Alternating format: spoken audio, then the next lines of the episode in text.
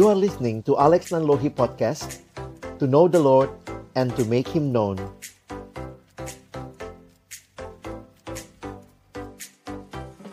Mari berdoa sebelum kita membaca merenungkan firman-Nya. Kami datang dalam ucapan syukur kepadamu Tuhan. Terima kasih buat kesempatan ini yang Tuhan berikan. Kami boleh datang memuji memuliakan namamu dan juga kami akan membuka firman-Mu ya Tuhan. Kami mohon kiranya waktu kami membuka firman-Mu, bukalah juga hati kami. Jadikanlah hati kami seperti tanah yang baik, supaya ketika benih firman-Mu ditaburkan itu boleh sungguh-sungguh berakar, bertumbuh, dan juga berbuah nyata di dalam hidup kami. Berkati hambamu yang menyampaikan, semua kami yang mendengar, Tuhan tolonglah kami semua, agar kami bukan hanya jadi pendengar-pendengar firman yang setia, tapi mampukan dengan kuasa, dengan pertolongan dari rohmu yang kudus, kami dimampukan menjadi pelaku-pelaku firman-Mu di dalam kehidupan kami, di dalam masa muda kami.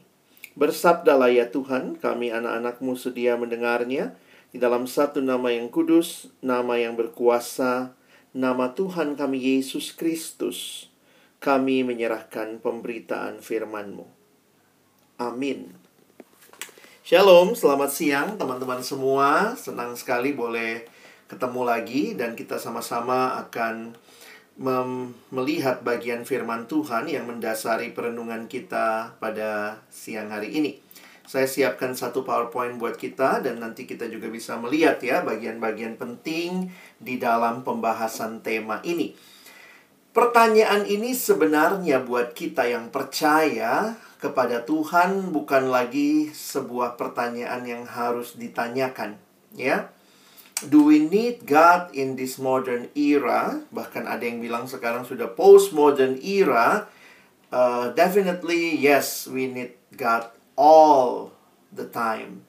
Jadi, jadi itu menolong kita menghayati bahwa sebenarnya pemahaman seperti ini tidak harus dipertanyakan, tetapi realitanya ya, saya mau ajak kita nanti melihat bahwa realitanya banyak orang mungkin di mulut mengakui Tuhan, merasa membutuhkan Tuhan, tetapi dalam kesehariannya malah menunjukkan sebuah sikap yang berbeda. Nah, ini yang nanti coba kita akan lihat sama-sama ya. Bagaimana menghayati akan hal ini dan saya akan angkat beberapa fenomena yang saya juga lihat akhir-akhir ini. Nah, kita mulai dengan satu bagian firman Tuhan. Saya ajak kita melihat di dalam kitab Yeremia pasal yang ke-9 ayat 23 sampai ayat yang ke-24. Beginilah firman Tuhan. Janganlah orang bijaksana bermegah karena kebijaksanaannya. Janganlah orang kuat bermegah karena kekuatannya. Janganlah orang kaya bermegah karena kekayaannya. Tetapi, siapa yang mau bermegah, Baiklah bermegah karena yang berikut, bahwa ia memahami dan mengenal aku, bahwa akulah Tuhan yang menunjukkan kasih setia, keadilan, dan kebenaran di bumi. Sungguh, semuanya itu kusukai, demikianlah firman Tuhan. Teman-teman kepada umat Israel yang waktu itu mereka mulai mencari-cari andalan yang lain mereka mulai mencari pertolongan kepada bangsa lain yang dianggap lebih berkuasa bisa menolong mereka.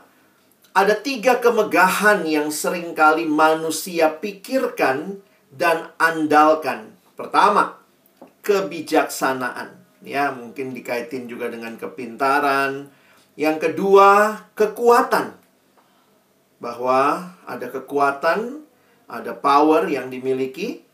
Dan yang ketiga, kekayaan. Tetapi di sinilah firman Tuhan datang kepada umat dan mengingatkan mereka. Bolehkah mereka bermegah? Silahkan, boleh. Ayat 24. Siapa yang mau bermegah? Jadi mereka tidak dilarang untuk bermegah. Tetapi baiklah bermegah karena yang berikut. Kalau kita bicara kebijaksanaan, sumbernya dari siapa? Dari Allah. Kalau kita bicara kekuatan, sumber utama kekuatan dari Allah. Kalau kita bicara kekayaan, sumber utama kekayaan pun Allah adalah sumber. Dia adalah pencipta. Karena itu ketika firman ini disampaikan, dikatakan siapa yang mau bermegah, baiklah bermegah karena yang berikut. Bahwa ia memahami dan mengenal aku. Teman-teman, tema yang diberikan pada kita hari ini menolong kita merefleksikan hidup kita, apakah yang sesungguhnya menjadi andalan utama kita. Memang salah satu yang menarik yang sering kali sejak awal manusia dicipta ya, manusia lebih memilih ciptaan dianggap bisa memuaskan dan lupa bahwa sebenarnya penciptalah pribadi yang bisa memuaskan kita. Ingat, hati-hati kalau kita mencari kepuasan di dalam semua ciptaan. Semua ciptaan itu terbatas, tetapi harusnya yang memuaskan kita adalah Allah sendiri. Kebijaksanaan itu sumbernya dari Allah, kategorinya ciptaan. Kekuatan sumbernya dari Allah, itu kategorinya ciptaan. Kekayaan sumbernya dari Allah, itu kategorinya ciptaan. Harusnya yang memuaskan kita adalah Sang Pencipta sendiri. Nah, ini membuat kita menyadari bahwa begitu mudahnya manusia tidak merasa membutuhkan Allah, karena ada hal-hal lain yang rasanya ini pun bisa jadi andalan. Saya harus katakan, teman-teman, ya, ketika dulu ilmu pengetahuan belum terlalu maju, maka manusia itu sepertinya mengandalkan Allah banget, gitu ya. Karena mau apa-apa, waduh, belum ada ilmu pengetahuan yang cukup sehingga dalam banyak bidang seolah-olah Allah lah segala-galanya. Datang minta sama Tuhan. Tetapi ketika ilmu pengetahuan makin berkembang dan itu sebenarnya adalah kebijaksanaan yang Tuhan berikan. Maka satu aspek yang terjadi manusia mulai merasa dia Tuhan. Bahkan merasa tidak butuh Tuhan. Kalau teman-teman lihat ya, misalnya Dulu punya anak itu kayaknya bergumul begitu ya Tapi sekarang wah bisa bayi tabung, bisa inseminasi buatan Katanya bahkan bisa milih mau jenis kelaminnya seperti apa Nanti kemudian ke depan nanti dibuat DNA-nya dengan struktur yang nanti tidak bisa sakit dan seterusnya. Itu membuat manusia semakin merasa tidak membutuhkan Allah. Perkembangan ilmu pengetahuan dan teknologi tanpa sadar membuat manusia makin merasa dia Allahnya. Saya ingat dulu ya, waktu zaman abang pengurus kampus di PO, ya zaman bahla ya. Dulu tuh kalau uh, kan kita di Depok kampusnya ya. Jadi kalau pembicara belum datang tuh waduh bingung ya. Saya dulu seksi acara. Menurut bayangkan kalau pembicara belum datang di masa itu itu gimana?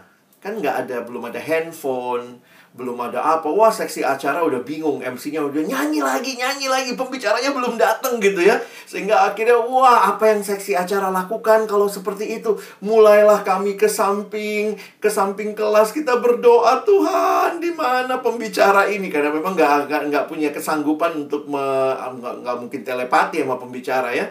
Tapi kalau generasi sekarang pembicara belum datang gimana berapa nomor handphonenya gitu ya? Langsung telepon begitu ya. Sehingga ya mungkin bukan berarti itu tidak benar ya. Teman-teman menggunakan teknologi juga baik. Tetapi memang wujud kebergantungannya sedikit berbeda. Kalau dulu tuh cari Tuhan aduh Tuhan karena kita nggak sanggup ya. Kita nggak sanggup reach pembicara dia sudah sampai mana. Kalau sekarang tolong dong kak Sherlock supaya kita tahu berapa menit lagi MC-nya harus nyanyi gitu ya.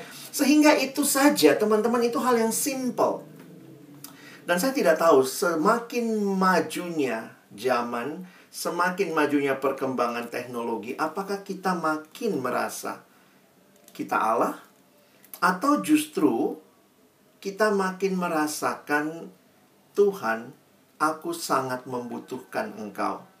Nah, kiranya kita waspada supaya kita tidak kehilangan kebergantungan yang penuh kepada Allah.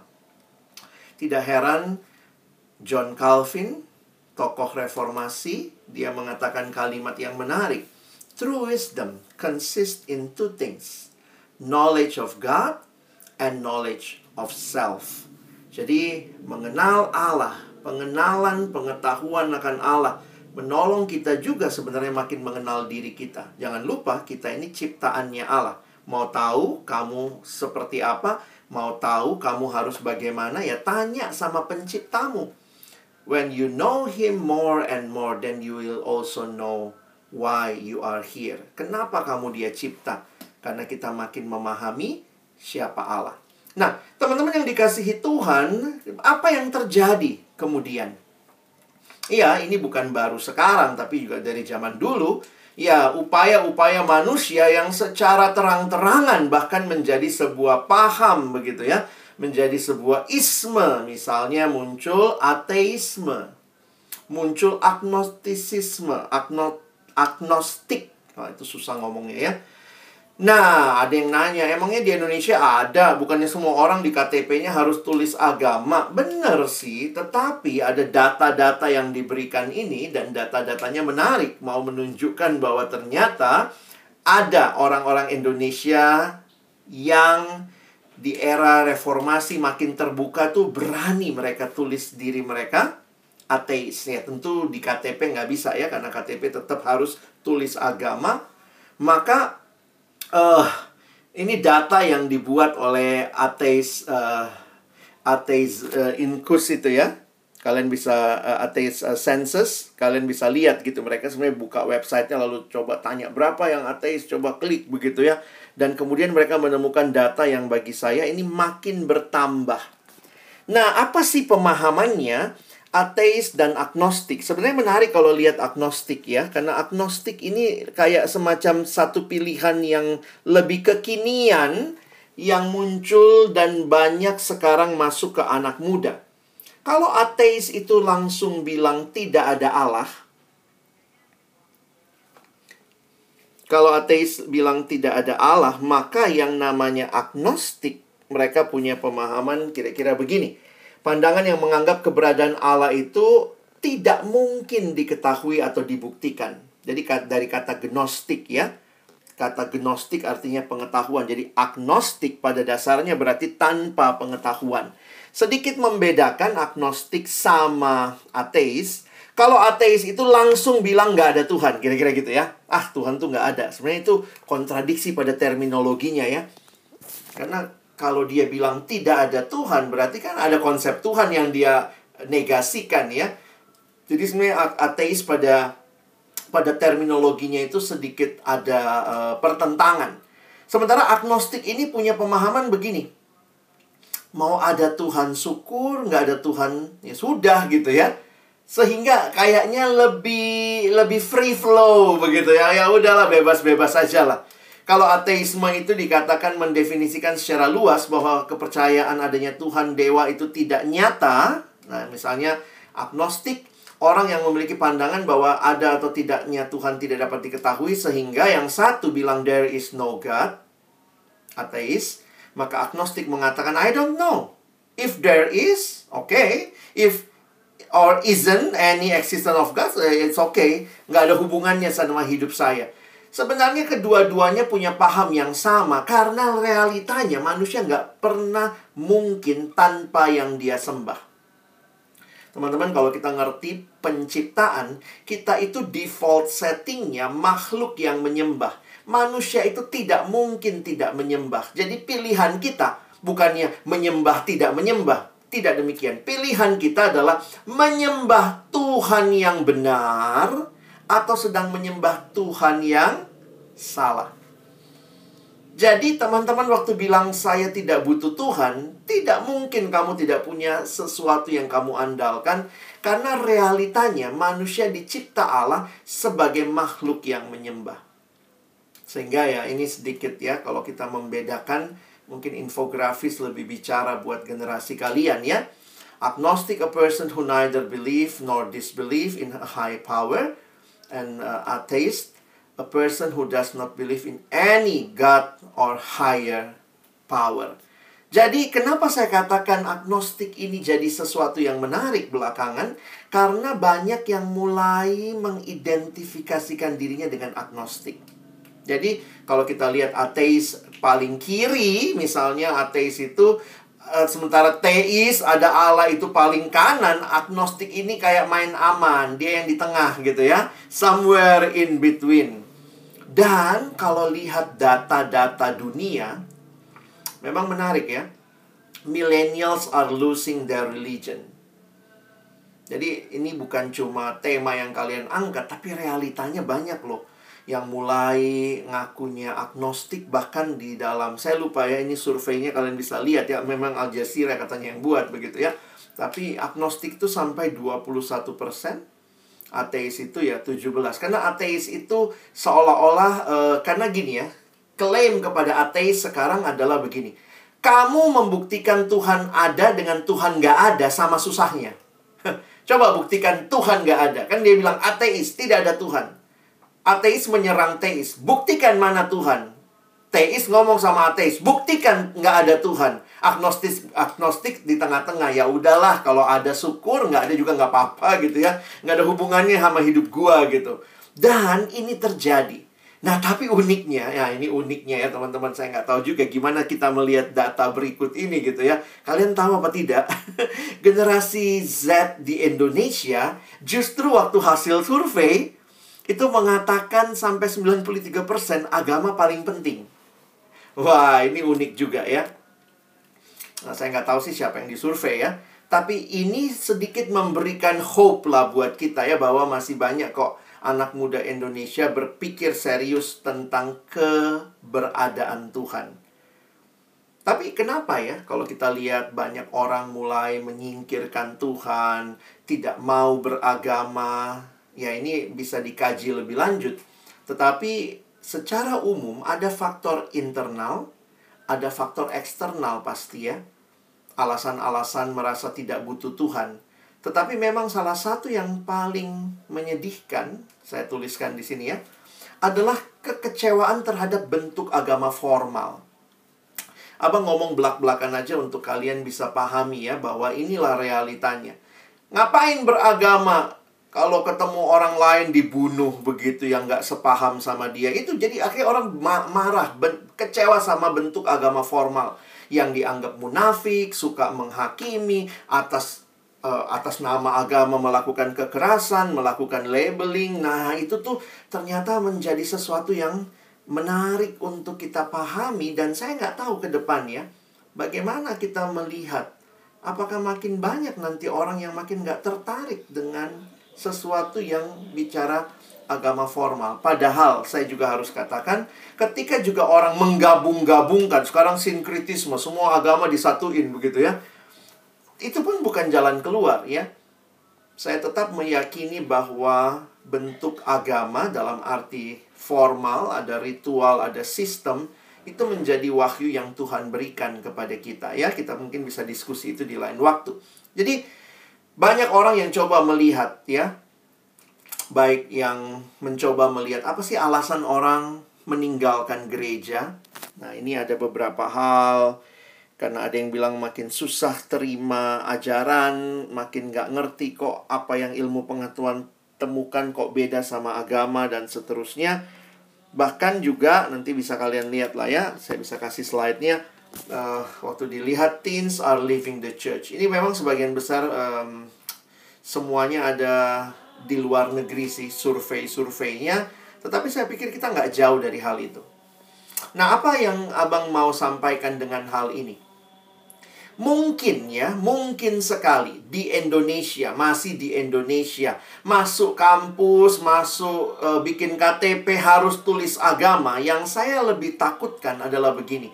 Banyak orang yang menuliskan namanya Kristen, Katolik, apa pun dia tulis, tetapi practically mereka sebenarnya tidak menghiraukan Tuhan. Dengar kalimat saya ya. Jadi bukan masalah we need or don't need God, buat mereka no problem lah. Ya biar bisa sekolah Indonesia tulis aja lah agamanya. Ya Kristen aja lah.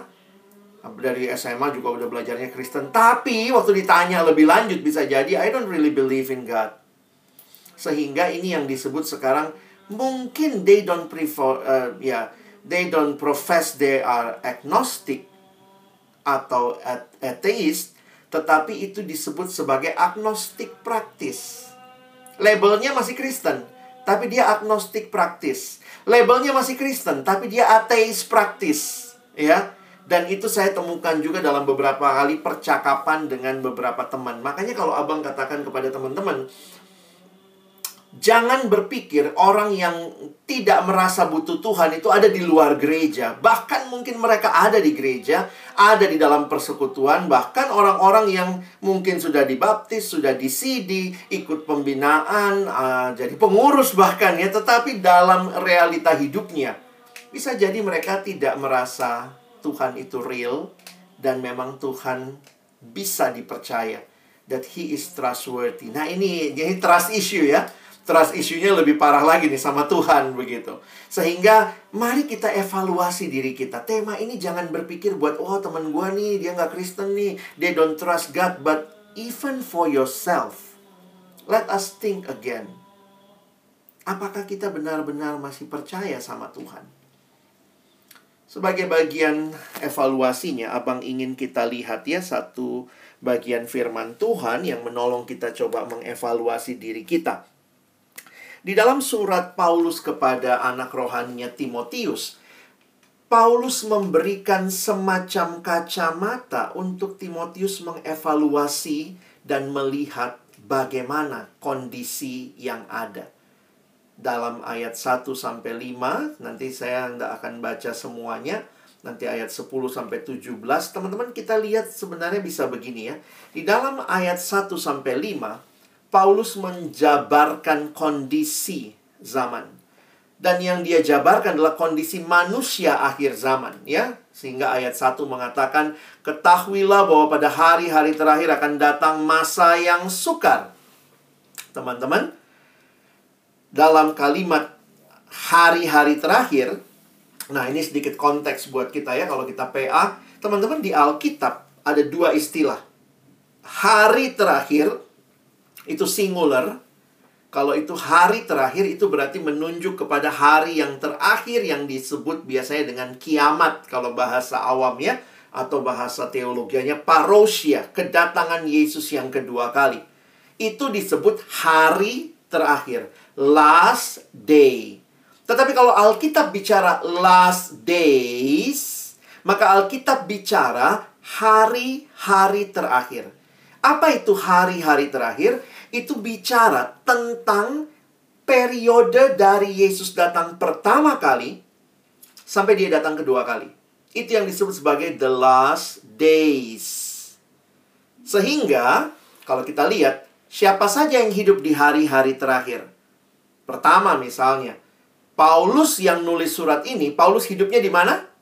Ya di hari-hari terakhir, last days. Karena dia hidup antara Yesus datang pertama kali dan Yesus janji akan datang kedua kali.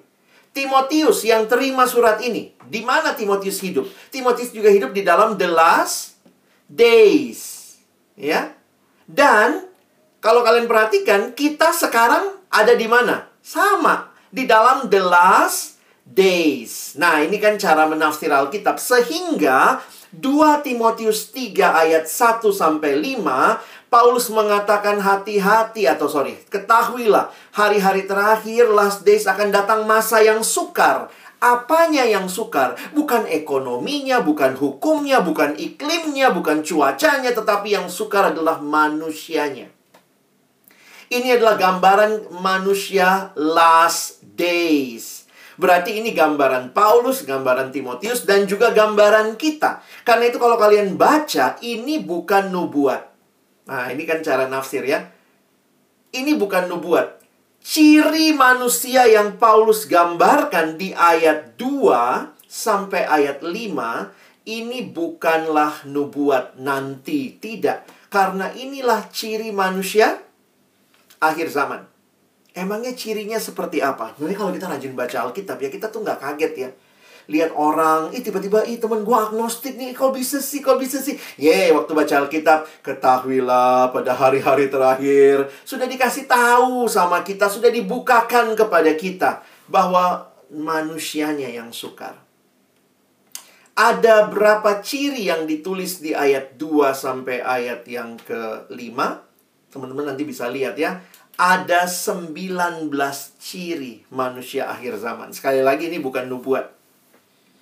Nah, bisa baca sendiri ya. Mencintai diri sendiri, menjadi hamba uang, membual terus. Nah, abang masukin ayat yang terakhir, perhatikan.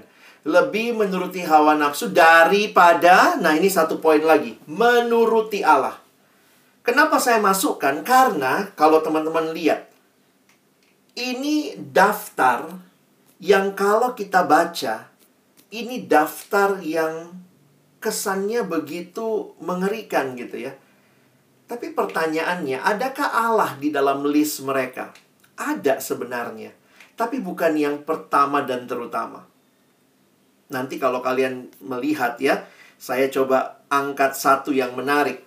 Perhatikan, ada kalimat paling bawah list sebelah kiri tidak mempedulikan agama. Abang coba cari terjemahan lainnya. Nah, kira-kira begini ya. Terjemahan bahasa Indonesia TB, terjemahan baru menggunakan istilah tidak mempedulikan agama. Terjemahan bahasa Indonesia sehari-hari BIS mem mem memakai kata membenci hal-hal rohani. Kalau firman Allah yang hidup FHYH tidak menghormati hal-hal suci. Sebenarnya memang ini agak susah diterjemahin ya dalam bahasa Yunani anosiois. Anosios ya. Nah, ini kira-kira makanya the message terjemahan Alkitab the message mengatakan allergic to God ya. Kenapa ini bagi saya menarik? people who set aside God in order to live only to please themselves. Nah ini, merasa tidak butuh Tuhan. Karena yang dia puaskan adalah themselves can only go one direction toward wickedness. They instinctively resist anyone or any ideas that would force them to measure themselves by God's standard. Jadi bukan hanya menyingkirkan Tuhan, tapi apa utamanya? Kenapa sih orang menyingkirkan Tuhan? Ternyata yang pertama dan terutama, karena dia tidak mau pakai standarnya Tuhan. Sebenarnya apa sih yang ateis tolak? Bukan cuma Tuhannya, tetapi karena nggak mau ikutin standarnya Tuhan. Jangan membunuh, jangan berzina, jangan mencuri. Tidak mau bertanggung jawab dengan natur yang sudah Tuhan ciptakan. Inilah realita yang terjadi dan harus saya katakan teman-teman hati-hati. Ini juga mungkin ciri kita kalau kita tidak menjaga kerohanian kita. Manusia merasa dirinya lah segala-galanya. Tapi ingat, God without man is still God. But man without God is nothing. Wah, ini highlight kita siang ini ya. Kalau kita bicara tema ini, saya kadang nggak bisa nggak usah jawab lah ya, tapi pakai aja statement ini. God without man is still God, but man without God is nothing. Karena kita percaya manusia ini ciptaan, teman-teman. Nah, sedikit kita bedah ayat tadi untuk kalian bisa melihat konteks. Sebenarnya di dalam ayat 2 sampai 5 uh, sampai 4 ya kalau lihat di sini ayat 2 sampai 4, 19 ciri itu kalian bisa lihat dua yang paling atas dan dua yang paling bawah itu dalam bahasa aslinya menggunakan istilah yang sama yaitu istilah mencintai. Sayangnya terjemahan Indonesia tidak cukup konsisten menggunakan kata mencintai. Jadi sebenarnya dua yang atas mencintai dirinya sendiri dan mencintai puang. Dua yang bawah, mencintai hawa nafsu dan mencintai Allah. Menarik sekali kata yang dipakai. Makanya kalau kalian lihat Alkitab terjemahan um, New International Version itu lebih konsisten. Dua yang atas, dua yang bawah, empat-empatnya menggunakan kata lovers. Lovers of themselves, lovers of money, lovers of pleasures, and lovers of God. Sekali lagi, ada Tuhan dalam list mereka? Ada, tetapi bukan yang utama. Mereka bahkan menolak Tuhan, tidak mau ikut standarnya Tuhan, sehingga mereka merasa tidak membutuhkan Tuhan. Nah, apa yang menarik? Ayat limanya. secara lahiriah mereka menjalankan ibadah mereka. Saya kaget waktu baca ini. Berarti ini bukan orang di luar gereja, bukan orang di luar komunitas, tetapi bahkan orang-orang yang ada di dalam komunitas waspada. Secara lahiriah mereka menjalankan ibadah mereka, tapi pada hakikatnya mereka memungkiri kekuatannya. Ya mungkin udah dibaptis, sudah di CD, udah ikut katekisasi di gereja pelayanan, tapi dalam realita hidup sehari-hari tidak yakin Tuhan berkuasa. Tidak yakin Tuhan beserta. Sehingga masih dikuasai khawatir, masih dikuasai ketakutan, bukan dikuasai oleh kehadiran Tuhan. Nah, Paulus ingatkan, jauhilah mereka itu. Nah, teman-teman ini yang abang ingin kita refleksikan ya bukan sekadar kita butuh Tuhan atau tidak. Jangan-jangan kita secara atribut Kristen tercatat ikut kuliah agama, tapi realita keseharian kita realita hidup kita, apakah standar Allah, kehadiran Allah menolong kita untuk hidup sebagaimana mestinya. Kita belajar bergantung pada Tuhan, bergantung pada firman-Nya. Dan teman-teman, jangan-jangan kalau tidak Allah yang kita sembah, ingat, kita bukan makhluk yang netral, kita pasti menyembah Allah yang lain. Sehingga pertanyaan saya, sejauh mana kondisi zaman ini justru mempengaruhi kita? Actually, if God is everything for you, you need to define yourself from God's perspective. Kalau Tuhan segala-galanya, harusnya kita melihat hidup kita dalam perspektifnya Tuhan. Maka apa itu kebahagiaan ketika Tuhan menjadi segalanya, saya hidup di dalam kehendaknya. Ketika Tuhan digeser, maka jangan-jangan Tuhan kita apa? Jangan-jangan Tuhan kita ini sekularisme, memisahkan agama dengan keseharian ya. Kalau di Amerika dulu tahun 60-an memisahkan religion and state. Mereka mengatakan, wah nggak usahlah bicara hal-hal rohani. Itu harusnya terjadi di ruang, di ruang-ruang privat. Kalau di ruang publik nggak usah bicara rohani. Sehingga Tuhan seolah-olah jadi private things. Sehingga seolah-olah Tuhan cuma ada di di gereja. Oh, kalau di gereja boleh pakai nilainya Tuhan. Tapi kalau di hukum, di lawyer ya sudahlah. Yang punya duit bisa bayar, gue kerjain kasusnya gitu ya. Oh, Tuhan tidak berkuasa di courtroom, di pengadilan. Di pengadilan yang berkuasa hakim, jaksa, yang punya duit katanya yang berkuasa begitu ya. Jadi seolah-olah ini ini dampaknya bisa seperti itu. Jangan cuma rajin ke gereja hari Minggu, tapi hari Senin sampai Sabtu kita tidak jadi orang Kristen. Do not just be a Sunday Christian. We need to be Christian every day. Perhatikan kalimat-kalimat ini ya. Misalnya ada lagi yang mengukur pragmatisme, konsumerisme. Jadi kebahagiaan itu apa? Kalau saya bisa belanja. Karena itu cari kerjaan yang luar biasa. Head on. Wah, wow, work hard, play hard. Itu prinsip Kristen nggak ya? Work hard, play hard ya. Kalau kita ganti work hard, pray hard gitu ya. Doanya juga mesti kenceng gitu. Nah, jadi banyak orang yang seneng banget kalau alumni-alumni Jumat begini ya. TGIF, thanks God it's Friday. Wah, tempat nongkrong, penuh lah kafe-kafe. Kenapa? Ini hidup gua. I enjoy. Kalau ke gereja sebentar aja udah males gitu ya. Nah, ini realita yang kita alami, teman-teman. Belum lagi yang mengukur sukses dari materi. Jadi, ingat, kalau kamu tidak sedang menyembah Tuhan, pasti ada Tuhan yang lain yang kamu sembah. Karena itulah kehadiran kemanusiaan kita yang adalah naturnya selalu menyembah. Maka materi jadi segalanya. Saya rasa saya cukup kalau saya punya materi. Punya materi tapi tidak punya Tuhan, Yesus bilang apa? Untuk apa seorang memperoleh seluruh dunia ini? Tapi dia kehilangan nyawanya. Sementara kalau dia punya Tuhan, meskipun materinya tidak seberapa, kan doa kita makanan kami yang secukupnya, tetapi itulah kebahagiaan yang sejati. Hati-hati kalau kamu taruh kebahagiaanmu di berapa digit gajimu, mobilmu, mobil apa. Nanti kalau itu jadi materi, jadi kamu lihatnya materi. Kalau saya nggak punya ini, wah saya bukan anak hukum yang sukses. Jadi teman-teman, aspek merasa tidak butuh Tuhan itu bukan cuma aspek pengakuan ya. Tapi jangan-jangan yang Kristen, banyak Kristen matre. Banyak Kristen-Kristen pragmatis. Yang penting saya, saya, saya. Kita masuk dalam era post-truth.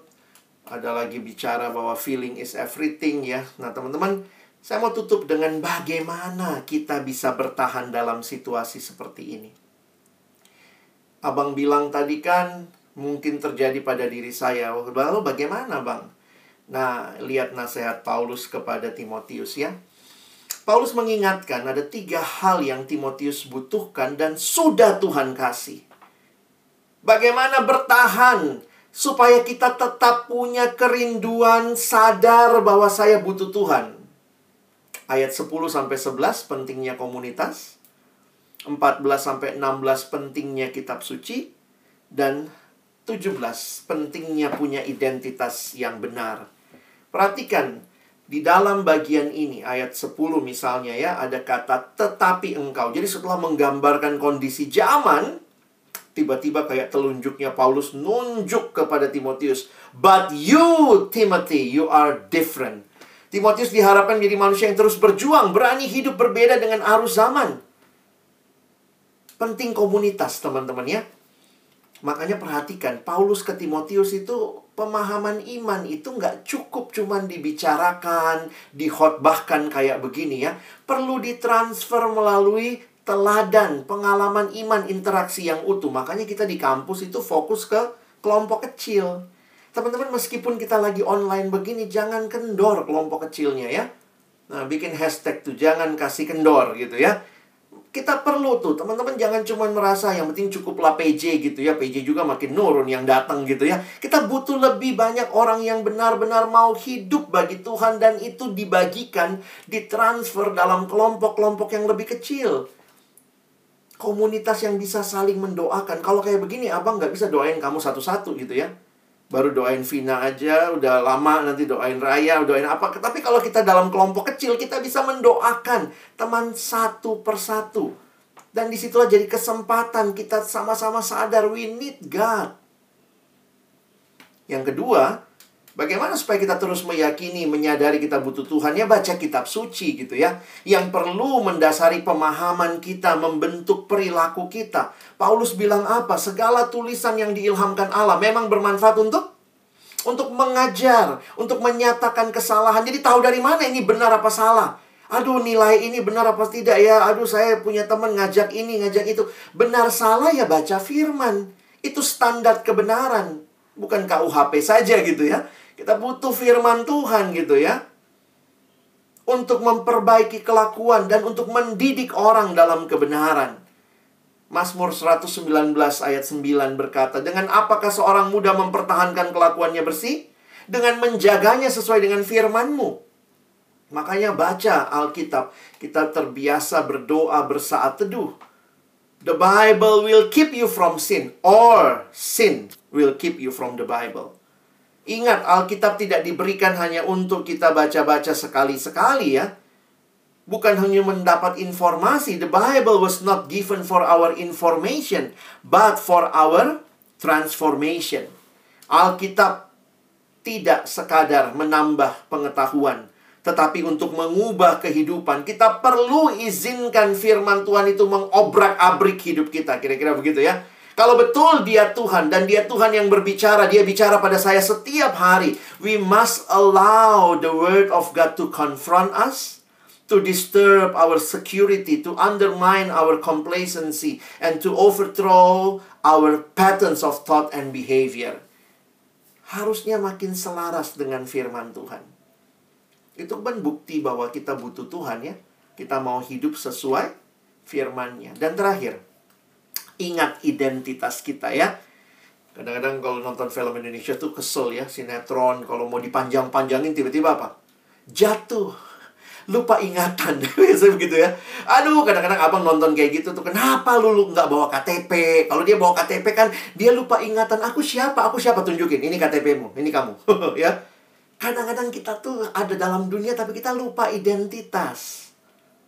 Ayat 17. Dengan demikian tiap tiap nah ini kalimat ini menarik ya saya waktu renungkan engkau dan saya manusia kepunyaan Allah kita tuh punyanya Tuhan loh diperlengkapi untuk setiap perbuatan baik nah bahasa Inggris menggunakan istilah memang eh, istilah yang dipakai itu sebenarnya ini ya that the man of God. Nah, tentu kan Timotiusnya laki-laki ya. Kalau kita ya ada men and women of God. Nah, kata yang sama itu muncul di satu Timotius. Sayangnya memang ya terjemahannya nggak konsisten ya. Di satu Timotius malah jadinya engkau hai manusia Allah. Kalau kan kita baca ini, ih bingung nih. Emangnya Timotius itu titisan dewa gitu ya. Padahal kata yang dipakai itu sama. Coba kalau kalian lihat bahasa Inggrisnya, 1 Timotius 6 ayat 11. But you man of God. Jadi sebenarnya ini comforting ya. Ini comforting. That we need him every single time. Karena kita tuh punyanya dia, dia Allah kita, dia telah tebus kita. Jadi kalau kalian lihat baik di 2 Timotius 3, baik di 1 Timotius 6, dua-duanya menggunakan istilah man of God. If we are man of God, man and woman of God, then we must, ya kita mesti ikut Tuhan. Kita harus menyadari kita butuh dia. Dan karena itu teman-teman ingat ya, Tuhan sudah kasih komunitas, nikmati itu, bangun imanmu, bukan cuma tahu Tuhan tapi benar-benar bergantung, berserah. Yang kedua Tuhan kasih firman-Nya menuntun kita, firman-Mu pelita bagi kakiku, terang bagi jalanku. Dan terakhir ingat identitas kita. Kamu bukan cuma anak hukum, UI, ya. Kamu bukan cuma itu. Kamu man and women of God. Di mana kamu dimiliki Allah. Dan karena itu bergantunglah kepadanya. Kiranya pembahasan ini menolong teman-teman sekalian, bukan cuma jadi pendengar firman, tapi boleh jadi pelaku-pelaku firman-Nya. Amin. Mari berdoa. Tuhan, terima kasih banyak buat kebenaran firman-Mu yang menuntun kami di tengah-tengah dunia dengan segala macam bentuk penolakan kepada Allah. Baik yang begitu terang-terangan dengan berkata, diri mereka ateis, agnostik, maupun tanpa sadar mungkin kami juga yang mengaku percaya, tapi keseharian kami menunjukkan kami bukan percaya pada Tuhan, kami percaya ramalan, kami percaya diri kami, kami percaya koneksi, kami percaya dengan uang yang rasanya bisa memberikan semuanya. Sungguhkah kami benar-benar melihat Engkaulah segalanya bagi kami? Tuhan tolong agar kiranya hidup kami semakin selaras dengan apa yang menjadi kehendakmu. Hidup kami boleh menyatakan kami butuh Tuhan, dan itu terlihat dari kebergantungan penuh kami kepadamu. Itu terlihat dari kesungguhan kami mengikuti standar-standarmu.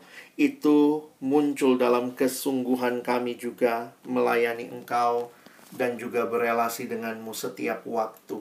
Kiranya kami bukan hanya jadi pendengar sekali lagi, tapi jadikan kami pelaku-pelaku firman-Mu. Baharui komitmen kami untuk mengasihi Tuhan, mengikuti Engkau, karena Engkau yang telah terlebih dahulu memilih kami, mengasihi kami dengan kasih yang luar biasa. Terima kasih, kami menutup firman-Mu dalam nama Yesus kami berdoa. Amin.